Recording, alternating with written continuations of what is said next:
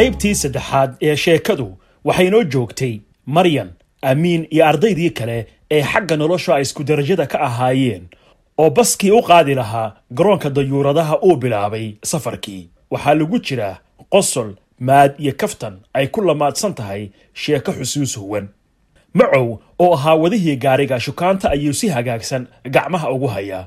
Waxaase dhegta uu u raaricinayaa sheekada dhallinyarada iyo sida ay ugu faraxsan yihiin nolosha cusub ee u bilaabanaysa. Hadallada laysdhaafsanayo waxaa ka mid ah anigu hebel ama heblaayo ayaan jeclaan lahaa inaynu isku qol helno. Anigu waxaan doonayaa inaan noqdo dhakhtar injineer duuliye bare iyo wixii la mid ah.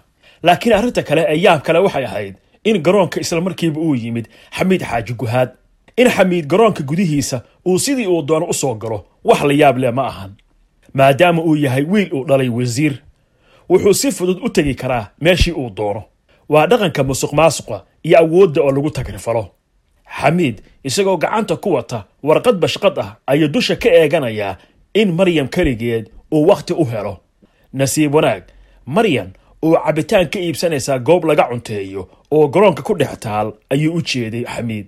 Isagoo dheg la qabta lahayn ayuu ishortaagay haddii aad dad ilaashanayso ka fudud duurjoog inaad dooxa la joogtee xamiid salaan kadib maryan wuxuu u dhiibay warqaddii xidhnayd wuuna isaga tegey.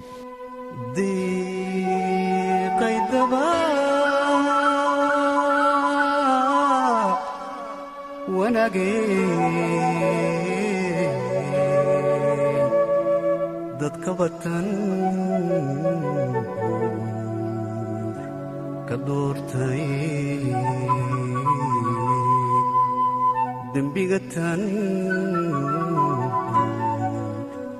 lahayne kuma dayn karaaye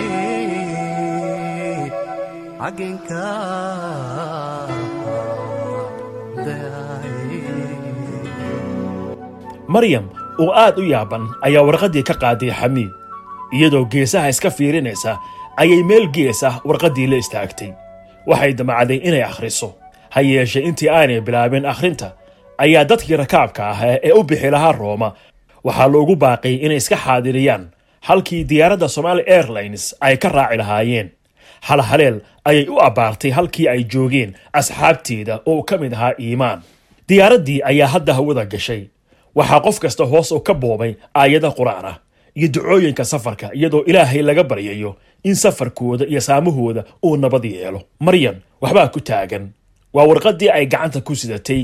Inta si hoose u furtay ayay waxay u dhaqaaqday inay akhriso waxayna warqaddu u qornayd sida tan. Ku socota qalbi iga hayaamay.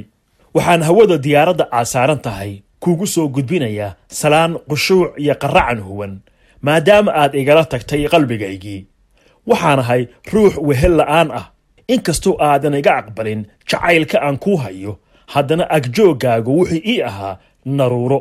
Laakiin hadda waxa iga tegay iftiinkii aan bidhaansanayay waan dareemi karaa inaad la yaaban tahay hadalladayda laakiin ogow qalbi wax jecel ayaan ahay. Waxaan ku dadaali doonaa sidii aan noloshaada u haran lahaa. Lagama yaabo inaan ku ilaawo oo aan kaa quusto. Waxaan dhowrayaa wakhtiga iyo waayuhu marka ay isku keen saamaxaan laakiin qalbiga gasho inaad igala tagtay wadnahaygii oo ku jira laabtaada dhexdeeda. Xamiid xaaji guhaad nafku jecel. Warqaddii ayay intay si deg deg ah maryan isugu laabtay. Waxay dib u gocosho u gashay nolosha ay ku nool yihiin iyo tan reer xaaji guhaad. Waxay hadda u muuqanaysaa inay qiimaynayso jiritaanka jacayl ee xamiid xaggiisa ka yimid. Waayo waxay dareemaysaa inuu heli karo boqolaal hablood oo ay isku darajo nololeed yihiin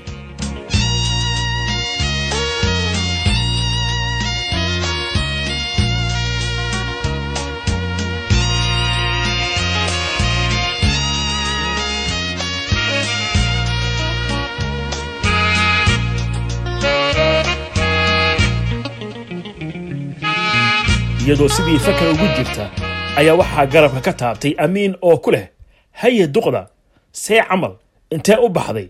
Warqadda aad akhrisay way ku fogaysay sidee wax u jiraan. Maryan oo doonaysa inay arrinku keligeed ku ahaado ayaa la soo booday. Waxba ma jiraan aboowe anigaa si kale isaga fakarayay. Amiin oo dhoolla caddaynaya oo doonaya inuu hadlo ayaa maryan hadalkii ku celinaysaa iyadoo mawjadda hadalka beddelaysa ayay leedahay. Haye hadda intee maraynaa amiin oo fahmay sheekadeeda ayaa ugu jawaabay. Waxaan maraynaa cirka iyo dhulka dhexdooda. Waa la wada qoslay kadibna xoogaa aamusanan ah ayaa la galay. Waxaase laga war helay in diyaaraddii ay gaartay garoonka dayuuradaha ee magaalada rooma ee fumijino si nabad ah ayaa diyaaraddii ku degtay waxaana ardaydii loo qaaday halkii loogu talagalay ee loo diyaariyey. Ardaydii ay ka mid ahayd maryam nolol cusub iyo waxbarasho ayaa uga bilaabatay magaalada rooma ee dalka talyaaniga. Bila kama soo wareegin markii caashiq cidda bilowday iyo sida uu ku bilowday aan la ogeyn uu ka dhex curtay amiin iyo maryam. Kaasi oo gelinba gelinka ka dambeeya sii gaagahaya siina gaamuuraya. Waa jacayl ku tarmay quluubta iyo kashka mataanaha kaasi oo midkoodna aanu sheegan karin libinta bilowgiisa. Balse ku hana qaaday hamiga iyo rabitaanka shakhsi ee qof walba geestiisa u saaqay. Waa dareen naxariis huwan oo wadnaha maryam iyo amiin saameeyey geesta kale waxaa hareer socda xamiid oo maalin kasta u tegaya duqmulaaxo weydiinayana xaaladda maryam. Duqduna intii ay og tahay ayay uga warantaa taasi waxay keentay in xiriir wanaagsan oo biyaha hoostooda ka socda uu dhex maro xamiid iyo maryam qoyskeeda. Isagoo weliba uga faa'iidaystay baahida nololeed iyo inuu wax badan oo xagga noloshaha ka saaciday sida dhaqaale ay u baahnaayeen duqmalaaxo waxaa galay inay habboon tahay in maryam ay ka faa'iidaysato tujaarnimada reer xaaji guhaad iyadoo is-afgarad aan rasmi ahayn uu dhex maray iyada iyo xamiid. Waxaase arrintu ay ku xiran tahay maryam iyadoo xamiid uga faa'iidaysanayo hantida aabbihiis damiciisa uu ku doonayo inuu ku kala dhantaalo jacaylka curdinka ah ee amiin iyo maryam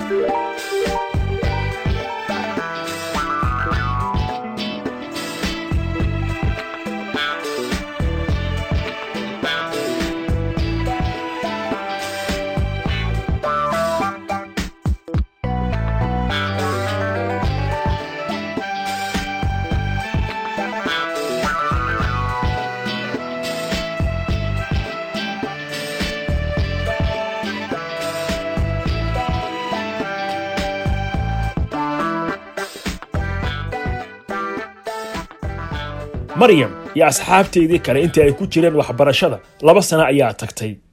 Wax toos ahna umuu dhex marin xiriir iyada iyo xamiid. Laakiin toddobaad kasta waxaa boostada ugu soo dhacda waraaq uga timid xamiid. Xiriirkii xamiid iyo duqmulaaxo wuxuu gaaray in maryam uu soo gaaro. Waxaase geestiisa sii kobcaya jacaylka iimaan iyo maryam waxaana lagu ballamay in marka waxbarashadu u dhammaato guur loo qalab urursado iyadoo hawraarsan iyo hagaag lagu tala goostay. Jacaylkii waxbarashada ku larnaa ee u dhexeeyey maryam iyo amiin wuxuu u baxay sida geed curdun ah oo laamo ubaxyo ah ee ka baxeen. Maalinba maalinta ka dambaysa wuu sii kobcayaa waxaana la dhararayaa xilliga waxbarashadu u dhammaato ee ay dalkii dib ugu laabanayaan ayna bilaabaan nolosha macaan ee bararaha qoyska inkastoo ay ku horgodban yihiin caqabado waaweyn oo ay ugu horrayso amiin oo ka soo jeeda beelaha lahayb sooco. Ayna adkaan doonto sida duqmulaaxo iyo qoyska maryam uu uga raaridi lahaa inay isguursadaan isaga iyo maryam. Waxaa kale oo soo raaca saboolnimada qoyska amiin oo ah mid aan qarsoonayn walow uu maanka ku hayo in waxbarashada uu u soo dhididay ou ka manaafacaadsan doono uusanna qof gacanta u hoorsan doonin arrinta kale ee caqabadda xiriirkan saamaqaadka ah qodaxaha ku ah waa iyadoo xamiid uu doonayo inuu u adeegsado magaca wasiir ee aabbihiis iyo hantida ummadda ee uu ku tijaaray. Isagoo duqmulaaxe mar horeba qalbigeeda ka dhistay daare kalsooni ah oo ku yimid taageerada dhaqaale ee qoyska danyarta ah. Waxaa ugu dambeeyey isagoo kaalin weyn ka qaatay in gurigii cariishka ahaa ee maryan ku kortay ee xaafadda ku yiil uu bixiyey boqolkiiba siddeetan iyo shan dhaqaalihii loogu beddelay fillo qurux badan oo saddex qol ka kooban. Xamiid shaqo uu qabto iyo waxbarasho uu u soo tabcay midna ma jirto. Waxaan kaloon jirin xisaab uu shaqaalinimo magaceeda ku qaato. Waxaase gacanta sidii la doono uu u darsadaa qasnada lacageed ee aabbihiis xaaji guhaad. Cidna kama yurayso oo isagaa u maamusha sida tacam uu u soo dhididay.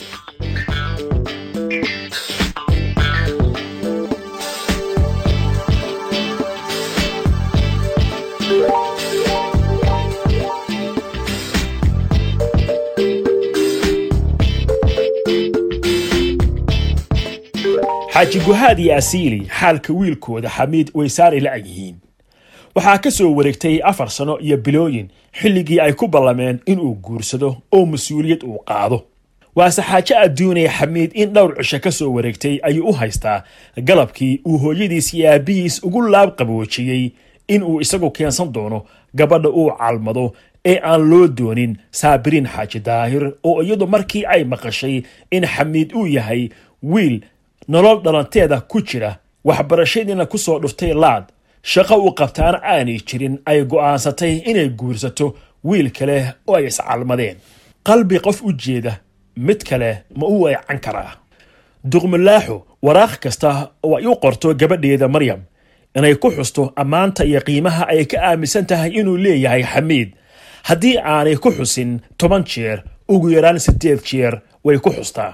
Ujeeddada arrintaasi ay u samaynaysana waxaa ugu weyn inay qalbiga iyo laabta maryam hoy uga samayso xamiid.